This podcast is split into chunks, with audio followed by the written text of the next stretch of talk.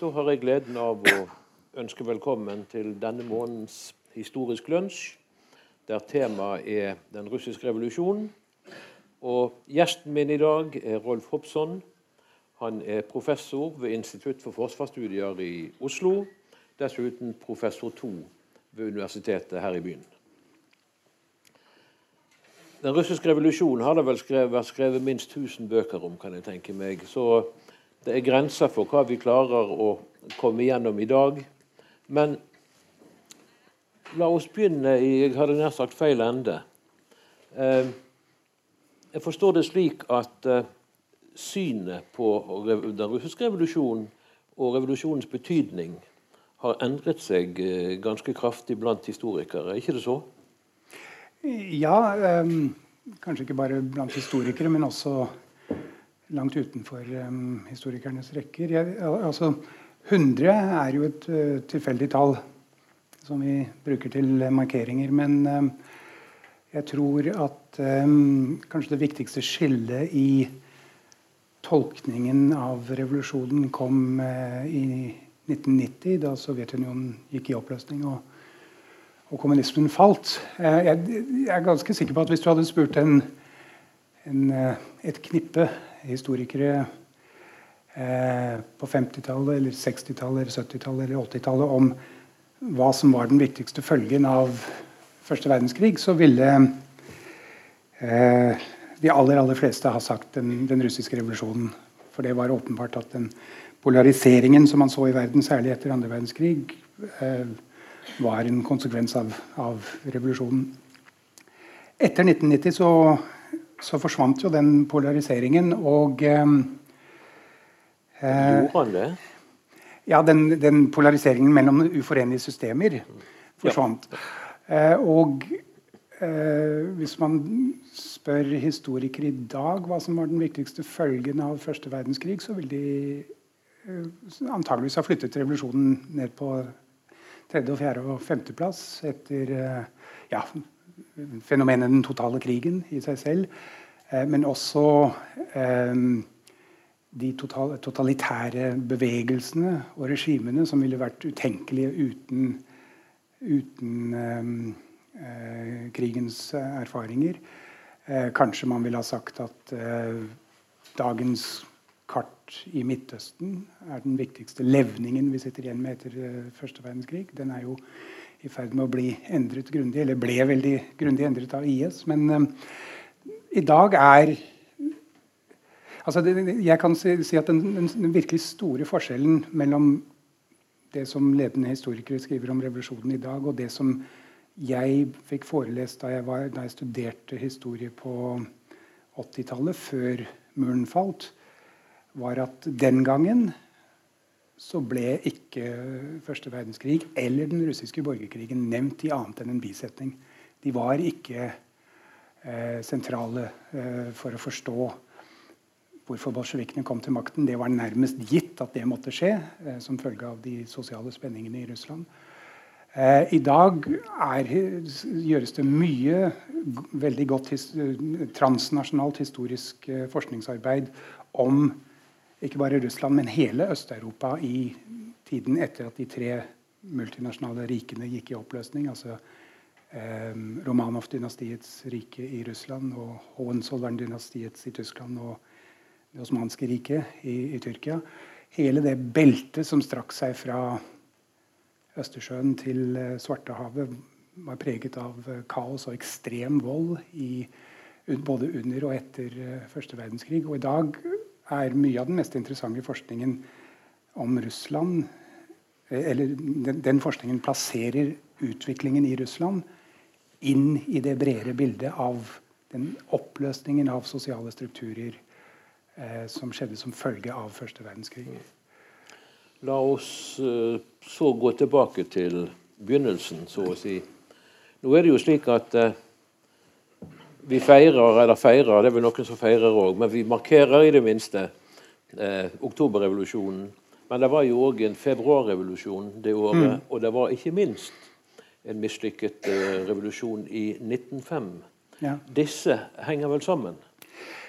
Ja, og eh, det er ikke til å komme fra at eh, sammenhengen Eller disse revolusjonene først og fremst henger sammen med den sos sosiale strukturen i det russiske imperiet, med jordspørsmålet, med en, en sosial verden som var radikalt annerledes enn noe som fantes i Vest-Europa.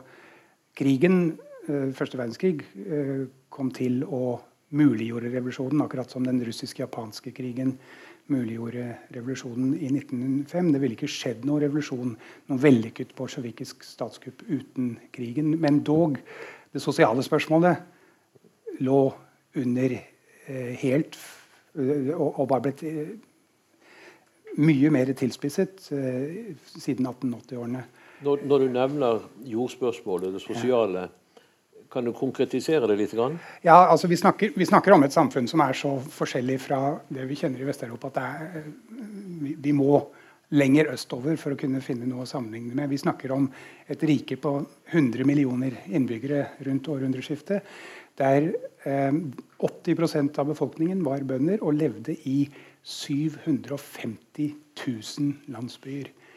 Det er ikke mulig å forestille seg hva, hva slags verdensbilde man utvikler, seg, utvikler, når man vokser opp i et slikt uh, samfunn. Det var også et samfunn der staten i praksis var fraværende, bortsett fra tsarens soldater når, for, når, de kom for å slå ned oppstander. Uh, I hele det russiske riket så fantes det 9000 politimenn fordelt på 100 millioner mennesker. Dvs. Si det fantes ingen statsmakt som var til stede. Ikke noe byråkrati som man kunne legge merke til. Det fantes en, en viss grad av lokalt selvstyre i um, lokalt valgte organer, disse zemstvane, der um, det lokale godseieraristokratiet styrte en, en del uh, lokale spørsmål. Men det fantes ingen byråkratisk stat av den typen som vi kjenner i Europa. Så både sosialstrukturen og fraværet av staten gjorde at dette var en helt egen verden som levde etter helt egne regler som vi ikke kan fange inn med våre sosiologiske begreper. Men, men hva med f.eks. livegenskap? Livegenskapet ble eh, avskaffet i 1861, også som følge av en tapt krig. De tapt, den Krimkrigen det er de tapte krigene som fremskynder eh, sosiale reformprosesser i Russland. Men eh, det, det, det, var mange levninger av føydalismen i eh, Russland og i Øst-Europa for øvrig eh, som, eh, som, ikke lenger fantes i Vest-Europa. Eh, livegenskapet var blitt avskaffet, men bøndene måtte betale kompensasjon til de tidligere godseierne for deres jord i årtier fremover. Og den russiske Miren, altså landsbyfellesskapet, sto kollektivt ansvarlig for den betalingen. Eh, slik at den var en form for halvstatlig juridisk eh, organ. Ikke bare for å regulere fordelingen av jorda blant medlemmene av Miren, men også i møte med både godseiere og Eh, og den fjerne eh, staten.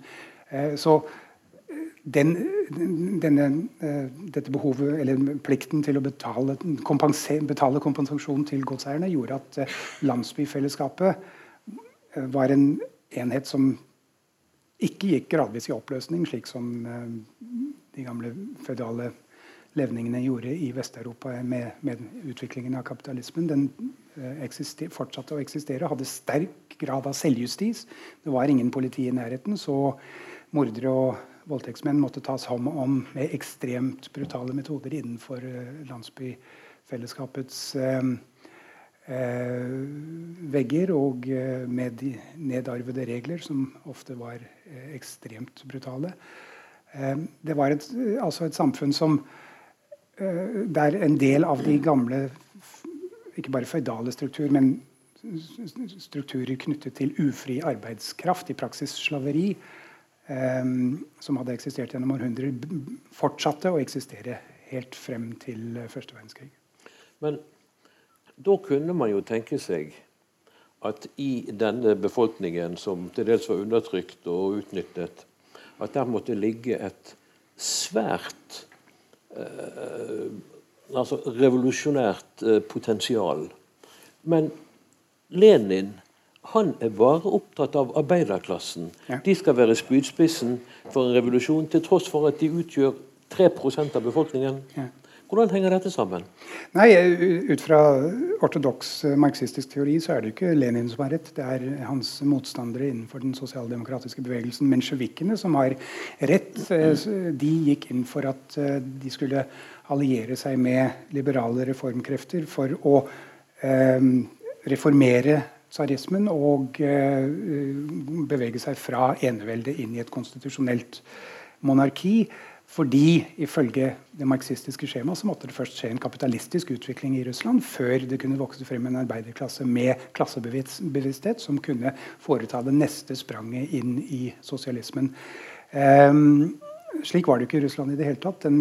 Riktignok så fantes det en meget uh, utilfreds og grovt utnyttet arbeiderklasse i de store byene. i uh, i eh, Moskva, Petersburg, eh, Kiev og ikke minst i, i, Polen, den polske delen av, av, Russland. Og de arbeidet i svære fabrikker og ble utnyttet på det grovte og hadde en sterk eh, klassebevissthet. Men de kunne jo ikke bære en revolusjon. Det var på landsbygda at revolusjonen brøt ut. Ja. Jo, men hvordan kunne det da likevel ende det, det er vel feil å si 'ende godt', men i alle fall, hvordan klarte de likevel å lykkes? med revolusjonen? Ja, altså, Lenin forsto jo eh, under første verdenskrig at det fantes et revolusjonært potensial i grupper som, han, som for så vidt ikke passet inn i det marxistiske skjemaet. Og det var eh, hos bøndene, og det var hos de eh, eh ikke-russiske nasjonalitetene i randsonen av imperiet. Han forsto at eh, jordspørsmålet på landet eh, og ønsket om nasjonal selvstendighet var to sterke sosiale krefter som kunne styrte eh, tsarismen. Og under krigen så kom i hvert fall fra 1916 så ble det klart at eh, et tredje spørsmål kom til, som også hadde sprengkraft, og det var eh, ønsket om å komme seg ut av krigen. Fred, jord og nasjonal selvstendighet det var de tre eh, kravene eh, som virkelig kunne mobilisere millioner. Og det var den mobiliseringen som styrtet styrtet eneveldet så snart tsaren mistet kontroll over hæren. Um, så Lenin forsto dette her og brukte disse kreftene. Men det betød jo ingen, på ingen måte at han var en bondevenn. Han, uh, uh, marxister kunne per definisjon ikke være bondevenner, fordi bønder kunne aldri utvikle den riktige bevisst, klassebevisstheten som måtte til for å skape et sosialistisk samfunn. Eh, de fleste marxistiske intellektuelle foraktet bønder fordi de, bøndenes høyeste ønske var å få sin egen gård. Og det var et, eh, en småborgerlig klassebevissthet som aldri kunne brukes til å bygge sosialismen. Så den videre utviklingen av regimets forhold til bondestanden er på mange måter kjernen og den røde tråden i um, sovjetkommunismens historie. Og der ble det jo begått uh, forferdelige forbrytelser. I utgangspunktet så kunne bolsjevikene bruke bøndenes utilfredshet for å styrte regimet i bøndenes navn. Men det betød på ingen måte at de hadde tenkt å gi bøndene den friheten som bøndene krevde videre fremover. Betyr det at bøndene i svært liten grad i, i årene etter revolusjonen fikk eh, oppfylt sine ønsker? Ja, det er altså Bolsjevikene kunne tilrane seg makten og sikre makten ved at de lovet disse tre gruppene de tre tingene de ville ha. Det første dekretet som de utstedte etter uh, kuppet i uh, Petersburg i um, altså november etter vår tidsregning, oktoberrevolusjonen etter den daværende kalenderen. Det første dekretet som ble utstedt, lovet bøndene jord. Eh, og eh, bolsjevikene lovet også fred eh, og nasjonal selvstendighet. Eh, og det utløste en sosial dynamikk som ingen kunne stå imot. Bøndene tok bare jorda. De bondesoldatene forlot fronten. dro hjem og tok jorda fra godseierne og fra staten og fra kirken. Og den prosessen var uomgjengelig. Det gikk ingen vei tilbake. Den, det var den, den ekspropriasjonen nedenfra som, eh, som ødela eh, det, det, gamle regimet. Men bolsjevikene hadde aldri tenkt å la bøndene beholde jorda. Det var bare et instrument uh, i, i maktkampen. Um, og allerede under borgerkrigen, uh, 1918-21, så, så ser man at bolsjevikene er fullstendig hensynsløse i sin holdning til bøndene. Men, men uh, før vi eh, kommer inn på borgerkrigen uh, Tvangskollektiviseringen i 28-29 var det vel. eh, det var da Stalins forsøk, og fra hans side sett vellykkede forsøk på å, å, å stagge bøndene og, og frata, de frata de jord igjen, så å si. Eh, ja, eller plyndre dem, eh, i den forstand at eh, kollektiviseringen skulle bringe bøndene under kontroll. I, i praksis var det en, en gjeninnføring av stavnsbåndet, av livegenskapet. Bøndene jo, fikk jo ikke lov til å reise fra kollektivbrukene inn til byene, selv om de ville. Men, men poenget var å hente ut flest mulig ressurser fra bøndene for å finansiere mest mulig av industrialiseringen uten å måtte ta opp lån internasjonalt. Noe som ville innvikle den sovjetiske økonomien inn i den internasjonale kapitalistiske økonomien. Eh, det måtte man til en viss grad gjøre, men, eh, men eh, gjennom en hensynsløs plyndring av bøndene så, så, gjorde man seg mer uavhengig av internasjonale finansmarkeder. Og, og mekanismen er veldig enkel. Man tar alt kornet fra bøndene Ehm, selger det på det internasjonale markedet. Eh, og ved, hjelp av den valutaen så importerer man maskiner til industrien. Eller betjener de lånene som man tar opp. Eh, og den mekanismen er så primitiv og så, så enkel at eh, den i 1933 førte til den største mest omfattende menneskeskapte hungersnøden i historien. I Ukraina, men også i eh, sovjetrepublikkene utenfor. Den største før Mao gjorde det samme med det store spranget i 1958. Eh, det er eh, helt seriøse russiske historiske undersøkelser som eh, for tiden anslår at um, fire eller fem millioner mennesker sultet i hjel i Ukraina. Og kanskje elleve millioner til sammen fordi denne menneskeskapte hungersnøden spredte seg utover til Kazakhstan, så langt som Kasakhstan og andre sovjetrepublikker. Det er en utrolig primitiv mekanisme. Um, men den, har, grunn, den, ligger til grunn for en opprustningsstrategi i praksis.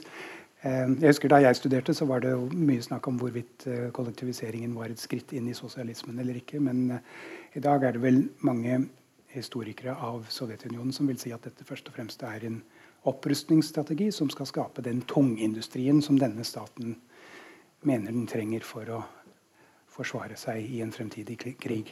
Mm. Eh, la oss snakke litt om eh, borgerkrigen. Mm. For den eh, snakket ikke alltid, uh, snakkes det ofte ikke så mye om. Nei. Men den var jo òg stygg. Hva var det som utløste den, og, og hva skjedde? Ja, borgerkrigen ble utløst av bolsjevikenes maktovertagelse. Men, men, helt det entydige bruddet kommer i det øyeblikket bolsjevikene stenger eh, den eh, grunnlovgivende forsamlingen i januar 1918. Eh, bolsjevikene kunne ikke forhindre at det ble holdt frie valg til en grunnlovgivende forsamling høsten 1917, eh, men de gjennomførte kuppet. Eh, før den grunnlovgivende forsamlingen kom sammen, nettopp for å tilrane seg makten før makten fikk et legitimt grunnlag i nasjonalforsamlingen. I det øyeblikket eh, bolsjevikene stenger den grunnlovgivende forsamlingen, så er det, det er praksis, i praksis en krigserklæring mot, eh, mot uh, resten av landet. Un under dette valget høsten 1917, som er det eneste frie valget som Russland opplevde før 1990, så uh, fikk bolsjevikene bare 25 av, eller litt under 25% av stemmene. Uh, de entydige vinnerne var de, det sosialrevolusjonære partiet med 41% av stemmene, som representerte bøndenes krav om eh, eierskap til jorda. Um, uh, det var for å sørge for at uh, de og de borgerlige og liberale kreftene som også var representert i forsamlingen, kunne prege den politiske utviklingen videre. At uh, bolsjevikene tilrant seg makta. Og i det øyeblikket så hadde de Eh, i praksis erklært krig mot eh, eh, de 70% av befolkningen som ikke hadde valgt bolsjevikene. borgerkrigen i seg selv var en veldig var en, en serie av overlappende konflikter med forskjellige årsaker. I min tid som student, ble, hvis den ble behandlet i det hele tatt, så ble den behandlet som en krig mellom hvite og røde de hvite som ville om, omstøte revolusjonen, og de, de, røde som ville forsvare revolusjonen.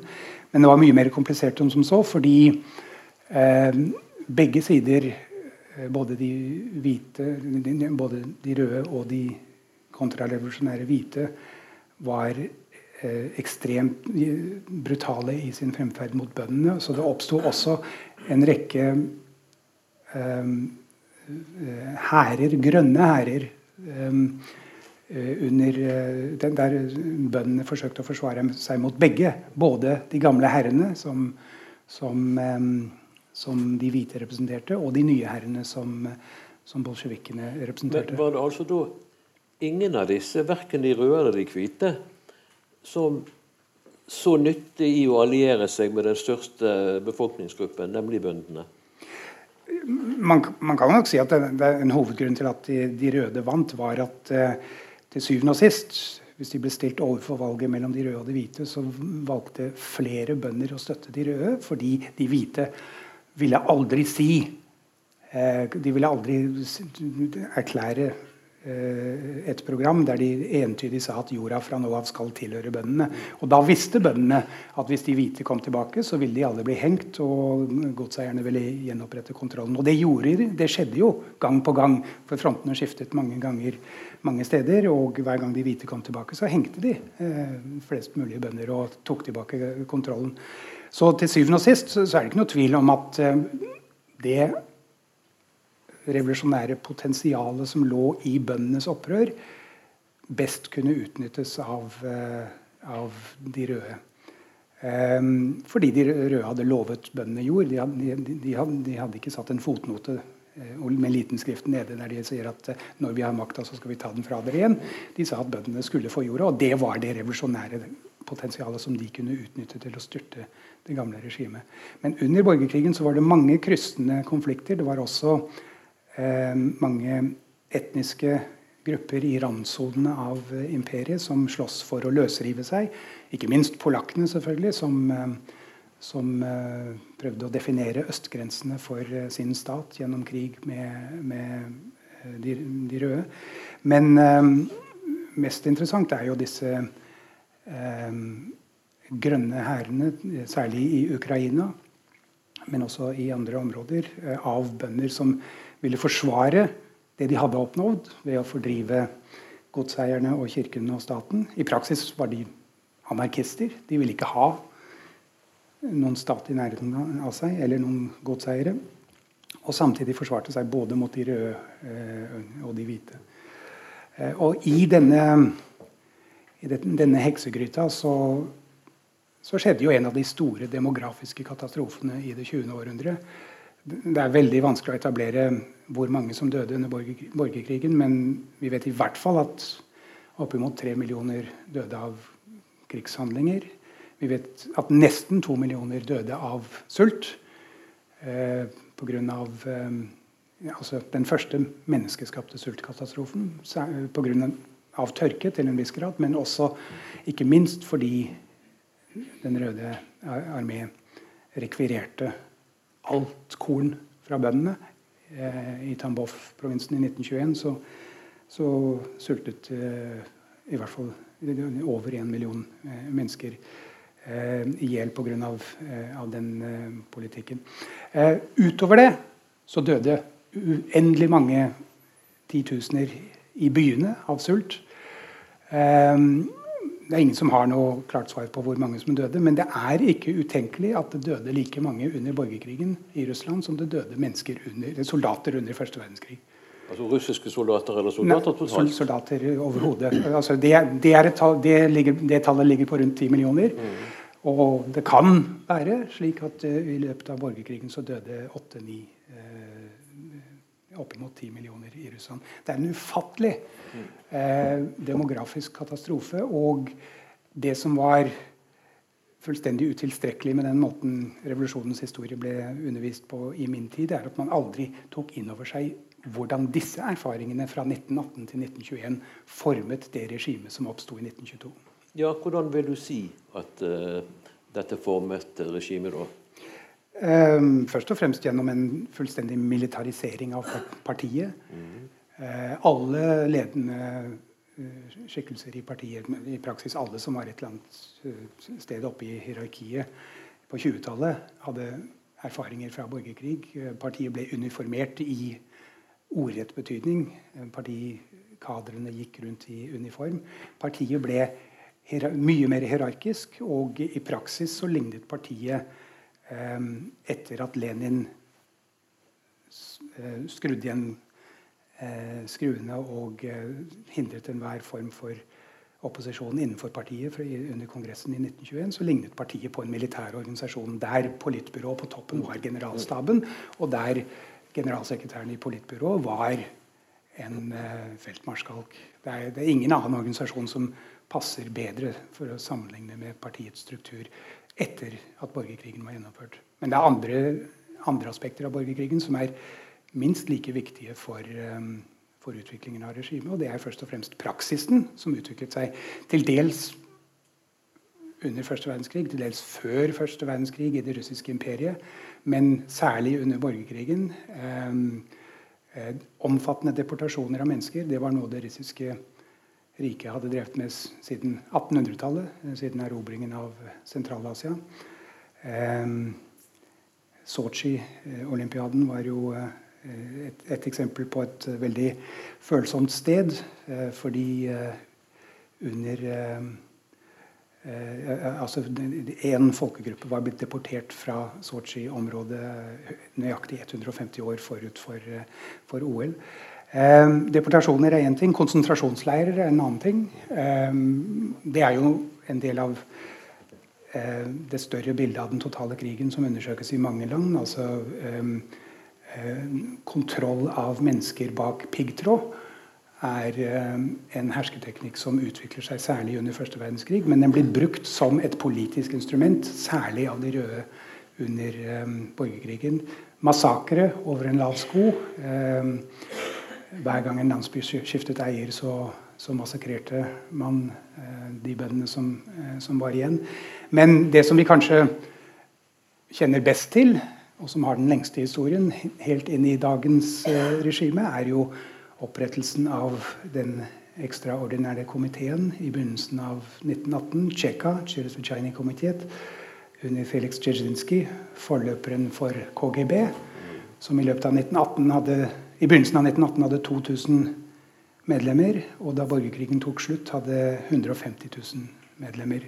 Tsjekkan var et målrettet terrorinstrument som fengslet, henrettet og torturerte Ehm, eh, men som eh, også brukte ja, det som nazistene kalte for Zippenhaft. Altså tok ehm, eh, familiemedlemmer som gisler for å kontrollere andre mennesker. Altså et helt eh, bredt spektrum av terroristiske herskerteknikker som ingen annen stat i Europa noen gang hadde hatt. Man, man kan, altså, eh, Bolsjevikene førte krig mot sitt eget folk på en måte som, som ikke noe annet regime hadde gjort før. Og det skjedde først og fremst gjennom eh, utviklingen av Tsjekkan og det hemmelige politiet.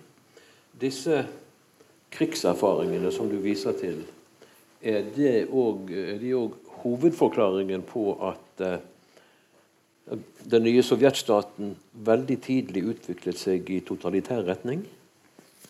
Eller er det andre faktorer òg som spiller med her? Nei, altså jeg det, det, finnes ingenting i europeisk politisk kultur som før 1914 som foregriper dette. Det finnes ingenting å sammenligne med. Det finnes ikke ettpartistater før 1914. Ettpartistaten oppstår i Sovjetunionen i 1921-22. Og den har ingen forhistorie i europeisk eh, historie. Du, du, har autoritære regimer, du har klerikale regimer, du har føydale regimer. Eh, men man har aldri Hele 1800-tallet er preget av eh, at så å si alle stater i Europa før eller siden blir varianter av det konstitusjonelle monarkiet. Mer eller mindre autoritære variasjoner. Og til og med det russiske riket blir et konstitusjonelt monarki etter revolusjonen av 1905. I ingen av disse statene så har det noen gang eksistert et ettpartiregime. Så det er en ny oppfinnelse eh, som bolsjevikkene i praksis eh, stiler mot allerede fra begynnelsen av 1918 med den første konstitusjonen, men som de knesetter når de har vunnet eh, borgerkrigen i 1921 der eh, all intern partikritikk eh, eh, forbys. Dissidenter fengsles og henrettes eller tvinges i eksil. Og den nye staten får ett parti der det ikke finnes fraksjoner lenger. Eller ikke skal finnes fraksjoner.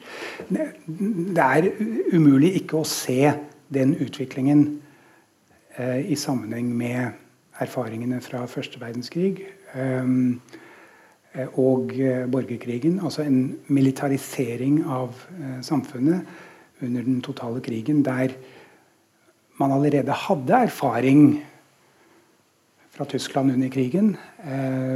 Tyskland mest var det tydeligste eksempelet, men andre land gikk i samme retning. Med at Eh, med kommandoøkonomien. Og Det er jo et fantastisk sitat fra Lenin under første verdenskrig, som jeg antar er fra 1916, der han sier at vi kommunister trenger ikke å finne opp sosialismen, fordi de tyske generalene har gjort det for oss.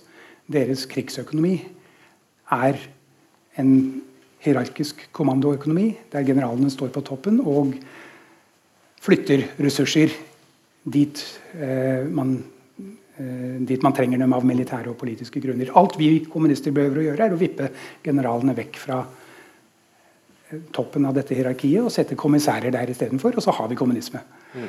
Og det, det, er altså et tydeligere eh, bevis for betydningen av erfaringene med den totale krigen for den nye statsformen i Russland, tror jeg ikke man finner. Eh, ettpartistaten, kommandoøkonomien, alt dette her var utenkelig før 1914, men ble tenkelig i løpet av første verdenskrig. Mm. Siden du nevner Lenin, et uh, får kalle det kontrafaktisk spørsmål. Eh, I min naivitet har jeg alltid forestilt meg at hvis uh, Lenin hadde levd et par tiår til så ville utviklingen av eh, Sovjetunionen sett annerledes ut. Er det noen som helst grunnlag for å, å, å mene noe sånt, egentlig? Eller tro det? Ja, du vil, um, du vil finne noen utgivelser i forbindelse med 100-årsmarkeringen som, som, som, hevder det. Og, og, det var jo veldig Det var mye mer vanlig å hevde det eh, på 70-tallet, f.eks. Eh, der folk var opptatt av revolusjonen og utviklingen på en måte som man ikke er i dag.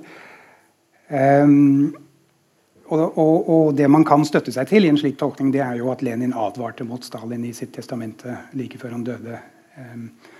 Eh, og sa at Stalin var i ferd med å samle for mye makt på sine hender. Uh, man skal ikke utelukke at uh, utviklingen kunne gått i en annen retning, men uh, i kjernespørsmålene, altså det som utgjorde det spesielle, det nye ved denne staten. Eh, altså den hierarkiske eh, partiorganisasjonen. Bruken av terror overfor politiske eh, motstandere. og ikke minst forholdet til bondestanden, så var det Lenin som tok de avgjørende skrittene inn i den modellen som Stalin videreutviklet. Eh, og eh, altså, Vi har nok av sitater på, som beviser at eh, Lenin ville bruke terror eh, for å eh, skremme alle, eh, alle, potensielle motstandskilder til taushet. Men i praksis også hans, Den røde armés bruk av rekvisisjoner under det som ble kalt for krigskommunismen før 1921. Ja, Det må du fortelle litt om. Ja, altså, Etter at borgerkrigen er over i 1921, så er jo, så er jo den den russiske økonomien fullstendig ødelagt. Og da, under denne berømte kongressen i 1921, partikongressen, så eh, strammer Lenin inn den politiske kontrollen over partiapparatet, samtidig når han slakker kontrollen over økonomien. For det er åpenbart at eh, dette kan ikke fortsette. fortsette. Er, landet er i praksis ødelagt, og byene sulter. Så han innfører det som kalles for den nye økonomiske politikken, som er en markedsliberalisering av det som tidligere het krigskommunismen, som åpner for utenlandske investeringer. Eh, som åpner for eh, frie markeder uten statlig, eh, utenfor statlig kontroll osv. Men dette er på bakgrunn av en modell som har utviklet seg under borgerkrigen, som siden kalles for krigskommunismen, og som i praksis er et forsøk på å opprette en kommandoøkonomi i Russland. Og den viktigste Eh, det viktigste trekket ved denne økonomien var at eh, hvis, eh, hvis den røde hær skulle kunne forsyne fem millioner mann hvis de skulle kunne forsynes med tilstrekkelig med våpen og andre forsyninger fra industribyene, dvs. Si Petrograd og, og Moskva, så måtte arbeiderne i byene få mat, eller så ville de forlate byene. Millioner av mennesker strømmet vekk fra byene fordi det ikke var noe mat. For å skaffe mat til arbeiderne i fabrikkene som skulle produsere våpnene, så måtte man tvangsinndrive maten fra bøndene. Bøndene hadde ikke noe marked å selge sitt overskudd på. Hadde ikke noe interesse av annet enn å spise sitt eget overskudd. Så Den røde hær sendte ut avdelinger over hele alle de områdene som de kontrollerte, for å rekvirere mat. Rett og slett ta maten fra bøndene. Tvangsinndrive. Tvang, tvangsinndrive, ta, ta, alt de kunne finne. Og utløste den første store hungersnøden, som, som kostet da eh, oppimot to millioner eh, mennesker livet. Den, den politikken var Lenins politikk. Mm. Det er ikke noe tvil om det. Og Stalins kollektivisering er en tilbakevending til krigskommunismen. Så i, i, hvis vi snakker om graden av hensynsløshet, så var det kanskje ikke så stor forskjell på Lenin og Stalin? Eh, ja, Omfanget er jo så mye mye større i, i, Stalins tilfelle. Jo, men han fikk jo flere år på seg òg, til å praktisere. Ja, eh, det som kommer i tillegg eh, i Stalins tilfelle, er jo den ekstreme undertrykkelsen av nasjonale minoriteter og utrenskningene av partiet. De, altså, han skjøt 700 000 partimedlemmer og eh, drepte mange flere hviterussere, polakkere, ukrainere, eh, baltere, eh, jøder. Eh, så mm, man, man, må si at eh, graden av undertrykkelse av bondestanden er sterke, større hos uh, Stalin. Han er jo også leder for et etablert regime. Han fører ikke noen borgerkrig. Mm. Uh, men, uh, men, i motsetning til Lenin så skal han jo også tvinge gjenstridige folkeslag inn i imperiet igjen. Lenin hadde sluppet dem fri og, og i, fikk ikke anledning til å bygge opp unionen av sosialistiske sovjetrepublikker fordi han døde i 24. Eh, Stalin skulle tvinge dem inn eh, og hindre enhver form for nasjonal motstand. Så hans undertrykkelse av de nasjonale minoritetene var eh, mer brutal enn Lenins. Okay. Ja. De bolsjevikiske lederne snakket jo om verdensrevolusjon, og så verdensrevolusjon som, som sitt mål. Den kom som vi vet aldri. Eh, fikk det noe betydning for utviklingen av sovjetstaten? Ja, det fikk en veldig stor betydning fordi eh,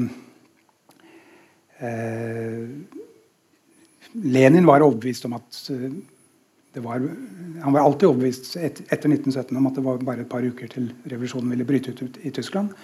Revolusjonen skulle jo bryte ut i de mest fremskredne kapitalistiske landene. Så da var det jo åpenbart at måtte ut, den måtte bryte ut i Tyskland eh, etter nederlaget i 1918. Og de lykkeligste dagene av Lenins liv var eh, slutten av 1918, eh, da, da, revolusjonen faktisk hadde brutt ut i Tyskland. Eh, inntil Spartakus-oppstanden ble slått ned i, i begynnelsen av, av 1918, så trodde han at nå skulle verdensrevolusjonen komme Russland til unnsetning. Og han oppga egentlig aldri, aldri den troen. Og Trotskij var også overbevist om at, um, at, revolusjonen ville spre seg til andre land. Men innen 1924, eh, da Lenin døde Han hadde jo vært paralysert etter et attentat uh, i to-tre år allerede, så han hadde mistet uh, kontrollen over partiapparatet. Innen 1924 hadde Stalin bygget opp sin makt som generalsekretær, i den grad at han kunne bestemme utviklingen. Og da tok han den pragmatiske beslutningen om å avlyse verdensrevolusjonen og bygge sosialismen i ett land. Det ble parolen fra 1924 eh, og fremover. Og det er ingen tvil om at det er en um, det er retningsvisende for eh, regimets videre utvikling. Fordi hvis ikke verdensrevolusjonen skal komme den russiske til unnsetning, så står denne staten alene i en verden av fiender eh, og må være forberedt på å forsvare seg. Eh, og 20, annen halvdel av 20-tallet går med til eh, interne fraksjonskamper på øverste nivå i Bolsjevik-partiet, der eller kommunistpartiet, som det heter etter 1918, der um, hovedspørsmålet er hvordan skal vi industrialisere Russland. Der noen vil eh, skåne bøndene og la dem eh, La bøndene få utvikle en, en friere markedsøkonomi, og så skumme overskuddet av deres produktivitet og bruke overskuddet til å industrialisere landet. Mens andre vil, særlig Trotskij og venstreopposisjonen, vil eh, fortsette modellen med krigskommunismen ved å rekvirere mest mulig fra bøndene for å få fart i prosessen. Og uh, Stalin har én grunnleggende utenrikspolitisk et konsept som han holder fast ved, som man, man, kan dokumentere helt tilbake til en tale han holdt i 1925, der han sier at um, en ny verdenskrig mellom de imperialistiske maktene er uunngåelig. Kapitalistisk konkurranse vil føre til en ny krig. Han tror enten mellom England og Amerika, eller mellom Tyskland og England. Et eller annet vil skje. De kapitalistiske statene vil havne i krig igjen. Og da er det Sovjetunionens eh, eh, oppgave å avvente utfallet av den krigen og vente til de har nesten blødd i hjel på begge sider, og så intervenere med overlegne styrker for å sikre sosialismens seier i Europa. Og den, eh, Det konseptet krever opprustning. Det konseptet krever eh, sterkt, en sterk produksjonsbase eh, som kan produsere våpnene som en sterk militærmakt krever. Um, og det ligger til grunn for Stalins valg etter at han har slått alle sine konkurrenter uh, i, innenfor um, uh, det øverste partiapparatet. Så velger han venstreopposisjonens program Nemlig å vende tilbake til krigskommunismen og tvangskollektivisere bøndene. Og e- ekstrahere, altså plyndre mulig, flest mulig ressurser fra bøndene for å bygge opp tungindustrien. Og da, Det er fra denne tiden, fra kollektiviseringens tid, eh, at um, vi har denne berømte talen som Stalin holdt eh, i 1931, der han sier at um, alle tidligere russiske regimer er blitt slått av utlandet av mongolene, av japanerne, av engelskmennene. Um, uh, vi har vi, Det samme kommer til å skje med oss. Vi har bare ti år på oss til å forberede oss på uh, den krigen som må komme. Og derfor så må vi ruste opp så, så mye vi kan. Og alle sier at dette er fantastisk hvor forutseende var Hvor forutseende han var, ja, ja, ja. osv. At uh, han nøyaktig ti år senere så, så kom uh, krigen. Uh, men det er um, Hvis man ser hvilken måte Sovjetunionen rustet opp på, så er det klart at det var en enorm sløsing med ressurser. Den, den modellen som de valgte. Um, og at en, en, friere økonomi helt sikkert ville ha produsert et større overskudd. Og mindre byråkrati, kanskje. Og færre døde. Um, så er, han er ikke forutseende i det hele tatt. Det er, det er bare en, en, en, en, grotesk innsikt som brukes som en begrunnelse for eh, en ekstremt undertrykkende politikk som han hadde tenkt å gjøre uansett. Men for å avslutte og komme tilbake til eh, ditt, eh, ditt spørsmål Det er klart at da verdensrevolusjonen ikke kom, så var den konsekvensen som Stalin og andre trakk, at denne staten må bli en militær supermakt. Og det ble den. Sovjetunionen og Tyskland rustet seg til supermaktstatus i løpet av 30-tallet. Eh, selv om dette er en historie om eh, mye elendighet og jævelskap, så er det jo òg i hvert fall noen positive trekk ved revolusjonen. Jeg tenker eh, først og fremst på allmenn eh, skolegang. Ja, ja det, er ikke, det, er ikke, noen tvil om det at av de, et av de største og mest imponerende resultatene av Eller det er, det er flere, men det, mest synlige resultatet av den nye sosialpolitikken var eh, Hva heter det på norsk? Ut, utbredelsen av lese, lesekyndighet? Hva, hva, kaller man det? Ja. Eh, altså, altså, I løpet av et par tiår så, så, så gikk Sovjetunionen, eller Russland, fra å ha 20 som kunne lese til 90 det, det var jo en helt eh, en, en, utrolig viktig utvikling. Og eh, det er eh, flere historikere, kanskje fra litt tid tilbake, fra 80-tallet og, og, og, og, kanskje enda tidligere, som har lagt, lagt, stor vekt på den sosiale revolusjonen som bolsjevikene gjennomførte. Det ingen, altså dette var ikke et rent regime eh, der som eh, ekstraherte ressurser for at ledelsen skulle leve i sus og dus. Eh, det gjorde de, men, men de gjennomførte med stort alvor en eh, sosial revolusjon som nesten kan, man nesten ikke kan overdrive betydningen av. Eh, og den skjedde i partiets regi. Um, Partiet ble i praksis den første staten, det første statsapparatet som hadde spredde seg over hele det russiske territorium. Eh, der det ikke hadde vært noen stat i, uh, tsartiden. Men partiet drev en eh, positiv diskrimineringspolitikk som gjorde bønder til arbeidere og arbeidere til funksjonærer. I et gigantisk omfang. Altså en, en, en, sosial, en, bevisst sosial utjevningspolitikk som i løpet av en generasjon flyttet millioner av mennesker inn til byene, eller lærte dem å lese i landsbyene, flyttet dem inn til byene eh, og ga dem en, eh, en, utdannelse som selvfølgelig utelukkende tjente regimets formål, men som førte til en enorm eh, sosial eh, utjevning. Eh, da, Sovjet, eller, da, Sovjetunionen fortsatt eksisterte på, i etterkrigstiden, så, var, så, levde det flere ingeniører i Sovjetunionen enn det hadde levd i alle andre land gjennom hele historien. Eh, og, og det, er, det, er, et utdannelsesnivå som, som, Russland i dag fortsatt kan trekke veksler på. Eh, men én ting er eh, at de satset stort på vitenskap og teknologi da regimet var etablert. Men eh, de, de satset stort på det på 20-tallet for å gjennomføre en sosial revolusjon. De skapte en ny klasse av arbeidere og funksjonærer som skyldte partiet sitt sosiale opprykk. Denne eh, sosiale utjevningen, ikke det egentlig noe av kjernen i den ideale kommunismen?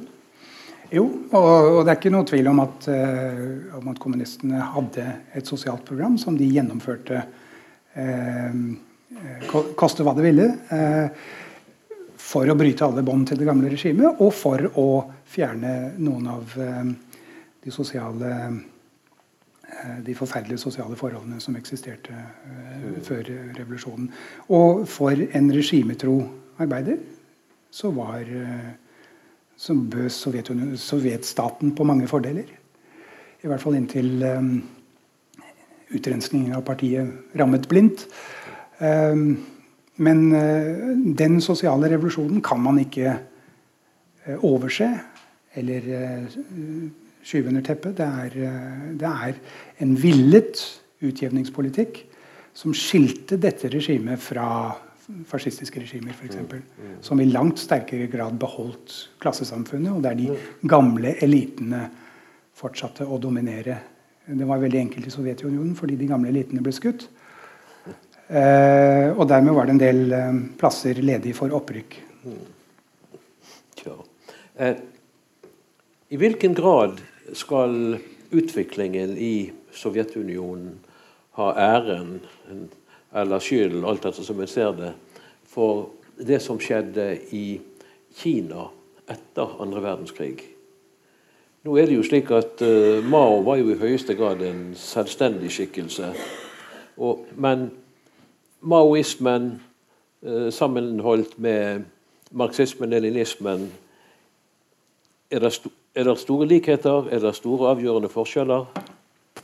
Jeg, jeg, jeg kjenner ikke det kinesiske tilfellet godt nok. Men jeg, jeg, vil jo si at på, i dette kjernespørsmålet om forholdet mellom regimet og bondestaten, så er uh, likhetene helt uh, iøynefallende.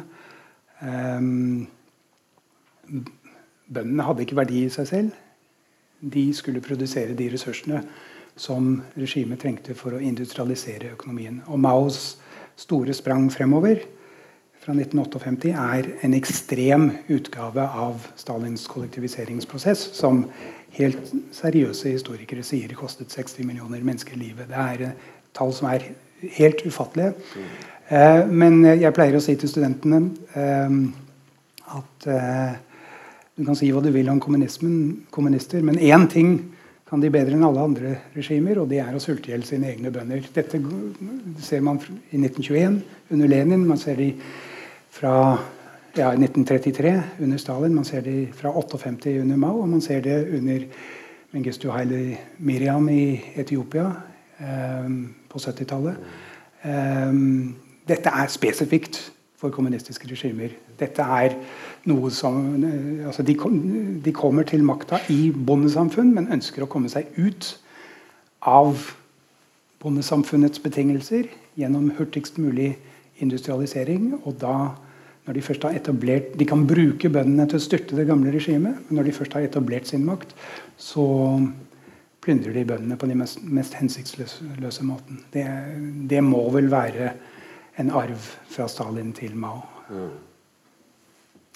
Eh, I mars 53 dør jo Stalin. På det tidspunkt, hvor mye vil du si er igjen av idealene fra 1917?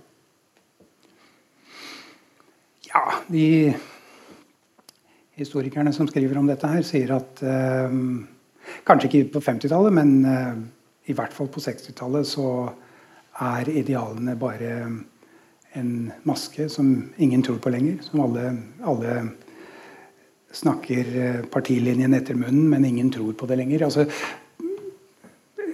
på 60- og 70-tallet så utviklet eh, sovjetstaten, og særlig partiapparatet, eh, ledere som ikke trodde på sin egen ideologi. Eh, når det skjedde, det er vanskelig å si. Men det, det, det, skjedde, det var nok ikke slik umiddelbart etter Stalins død. Det var eh, antageligvis et, et, flertall av befolkningen som eh, særlig pga. hans lederskap under krigen eh, eh, dyrket Stalin som eh, en, en, legitim og beundringsverdig leder. Eh, så man må nok eh, si at når en etterkrigsgenerasjon av ledere begynner å komme inn i apparatet, eh, kanskje fra midten, slutten av 60-tallet, da får du en elite som, som eh, plaprer ideologi, men ikke tror på det selv. Hva tror de på, da? Hva de tror på? De, um, de har jo fordeler. De er, det er jo et ekstremt uh, hierarkisk uh, system. Der um, jo lenger opp i systemet, uh, jo, jo, større fordeler får du. Tilgang til utenlandsreiser og utenlandske varer. Jeg, jeg har selv sett resten av dette systemet i, um, i Russland på, på 80-tallet. Og det var jo et veldig behagelig system for dem som var litt lenger oppi det. Jeg vil jo si at um, kanskje vårt bilde av Gorbatsjov-generasjonen er veldig idealisert. Han står fortsatt for mange i Vesten som en representant for en form for velutdannet uh, liberal elite som ønsket oppriktig å endre Sovjetunionen og, uh, og, og, og, gjøre det mindre undertrykkende, og kanskje utvikle en form for for um, ikke-kapitalistisk, men mer menneskelig sosialisme.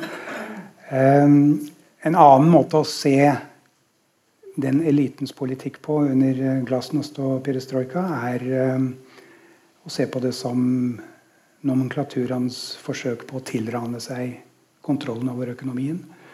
Um, Men for hvilket formål? For det kan ikke bare være for å berike seg sjøl? En, en jeg, vil jo tro at uh, de hadde en eller annen tanke om, om, samfunnet utover å bare melke det. Jeg tror ikke det. Um, det er sterkt. En um, amerikansk historikervenn av meg fortalte at han var på et møte eh, i New York en gang på, i 86-87, da Gorbatsjov hadde overtatt. Eh, og alle eksperter kom for å snakke om glasnost og perestrojka og sånne ting. Og da var det en eksilrusser som reiste seg og sa dette her må dere ikke tro på i det hele tatt. Dette er bare nomenklaturen som skal sikre seg kontroll over verdien i samfunnet. Eh, det er en uh, mulig tolkning. og jeg, jeg, tror ikke det, den tolkningen gjelder for um, Gorbatsjov. Men Gorbatsjov ville aldri kunnet gjennomføre disse reformene hvis ikke mesteparten av partiapparatet var villig til å gå med på det. Byråkratiet kunne stanset ham på et øyeblikk. Så de som hadde fordeler innenfor dette systemet, det var også de som var best plassert til å sikre seg verdier i det den sentraliserte kontrollen gikk i oppløsning. Var det lette som så å si ryddet veien for oligarkene? Ja, selvfølgelig. Mange, mange oligarker eh, startet som små partifolk. Eh, og eh, ja, Har de det felles, de vi omtaler som oligarker, at de har hatt en rolle innenfor eh, partisystemet? Ikke nødvendigvis at de har vært viktige i partisystemet, men forbindelser til partiet har vært helt avgjørende for å kunne sikre seg kontroll. De starter med kontroll over en eller annen bedrift, som de så selger eller bryter opp eller eh, plyndrer på et eller annet vis. Og så, jo mer hensynsløse, jo rikere blir de. Mm. Eh, men hva ser du som hovedårsakene, og det er jo selvfølgelig mange, til at uh, sovjetstaten faller til slutt? Ja, For det første så var det jo en ideologi som selv ikke eliten trodde på. Mm. Um, og det er jo annerledes enn 20-tallet og tiden under andre verdenskrig, eksistenskampen mot fascismen, og kanskje også etter uh, andre verdenskrig. Men uh, det er jo først og fremst fordi rustningskappløpet legger en utålelig byrde. Rustningskappløpet under den kalde krigen legger en utålelig byrde på, på økonomien. En uh, byråkratisk, tungrodd økonomi som um, er innrettet mot å produsere våpen. Kan aldri produsere forbruksvarer for befolkningen. Og det skaper kynisme og mistro til systemet. Eh, særlig når eh, privilegiene til nomenklaturen er så synlige som, som de var. Og åpenbar korrupsjon, f.eks.? Ja, det er jo ingenting sammenlignet med i dag. Men, eh, men et, et, system som, er, som, alle vet er korrupt. Mm. Selvfølgelig. Men det er først og fremst eh, umulig å produsere både kanoner og smør. Og så lenge de bare produserer kanoner, så, så har dette systemet ikke lenger noen legitimitet. Hvem vil du sammenligne Putin med, hvis vi skal gå tilbake i den russiske historien de siste hundre årene eller så? Heller med tsarene enn med generalsekretærene. Um, fordi Russland i dag, hvor autoritært det enn er, så er det ikke en kommandoøkonomi. Og så, og så er det mulig å si ting. Hvis du er villig til å sette livet ditt på spill, så kan du si hva du vil. Um, det finnes nok av uh, uh, uavhengige og halvt uavhengige nyhetskilder på nettet. Dette kan ikke sammenlignes med kommunismen. Jeg, jeg har sett kommunismen på 80-tallet. Og, og, den uniformeringen av kulturlivet og det politiske livet som fantes der. Slik er det ikke i Russland i dag. Du kan sammenligne det med Nikolai 2., altså et uh, autokratisk regime um, som tillater et flerpartisystem, og som ikke legger et ideologisk lokk oppå kulturlivet. Vår tid er ute, men eh, jeg har, siden du snakket dette, om dette å tro på, så har jeg et sitat fra den kjente historikeren Eric Hobshaw, som vel var kommunist til sin døyende dag, så vidt jeg vet. Nei, han, han, han, lot medlemskapet løpe ut etter 1990. Å oh ja, akkurat. I alle fall, han skriver sitat Stalins skrekkinngytende karriere har ingen mening annet enn som en halvstarrig, ubrutt jakt, ubrutt jakt på det utopiske kommunistiske samfunn. Kan vi tro på dette? Nei, jeg tror det er ja, Jo, altså eh, Det er nok ikke tvil om at Stalin var, hadde ideologiske ledestjerner. At han, eh, han, han fulgte ideologiske ledestjerner. Men eh, hans, hans maktmisbruk eh, er så kynisk at det er vanskelig å tro at han ut, at han Minst like viktig for ham var det å sikre sin egen maktstilling, koste hva det ville. Um, så man kan ikke utelukke den rene person, altså djevelske besettelsen av å uh, sikre sin egen makt mot alle mulige trusler. Mm. Da sier jeg tusen takk til Rolf Hobson. Takk til publikum.